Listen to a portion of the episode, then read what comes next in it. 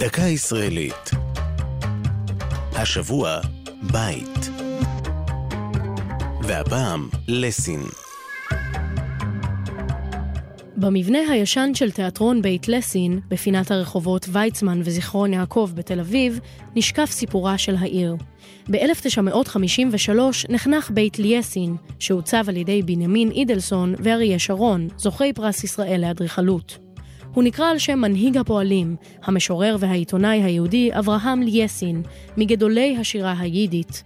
המבנה הוכרז כבית תרבות לפועלים. באולמו התקיימו הרצאות וקונצרטים, ואת ארוחת הצהריים אכלו המבקרים במסעדת פועלים מסובסדת. ב-1980 הקימה בו הסתדרות העובדים תיאטרון, שפעל במבנה עד שנת 2003.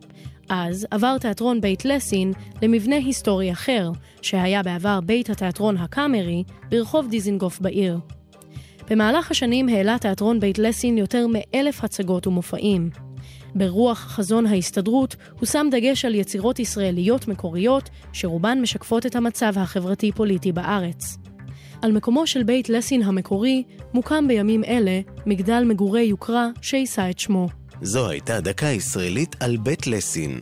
הגישה נעמי שלו, כתבה יובל שילר, ייעוץ הפרופסור גדעון ביגר.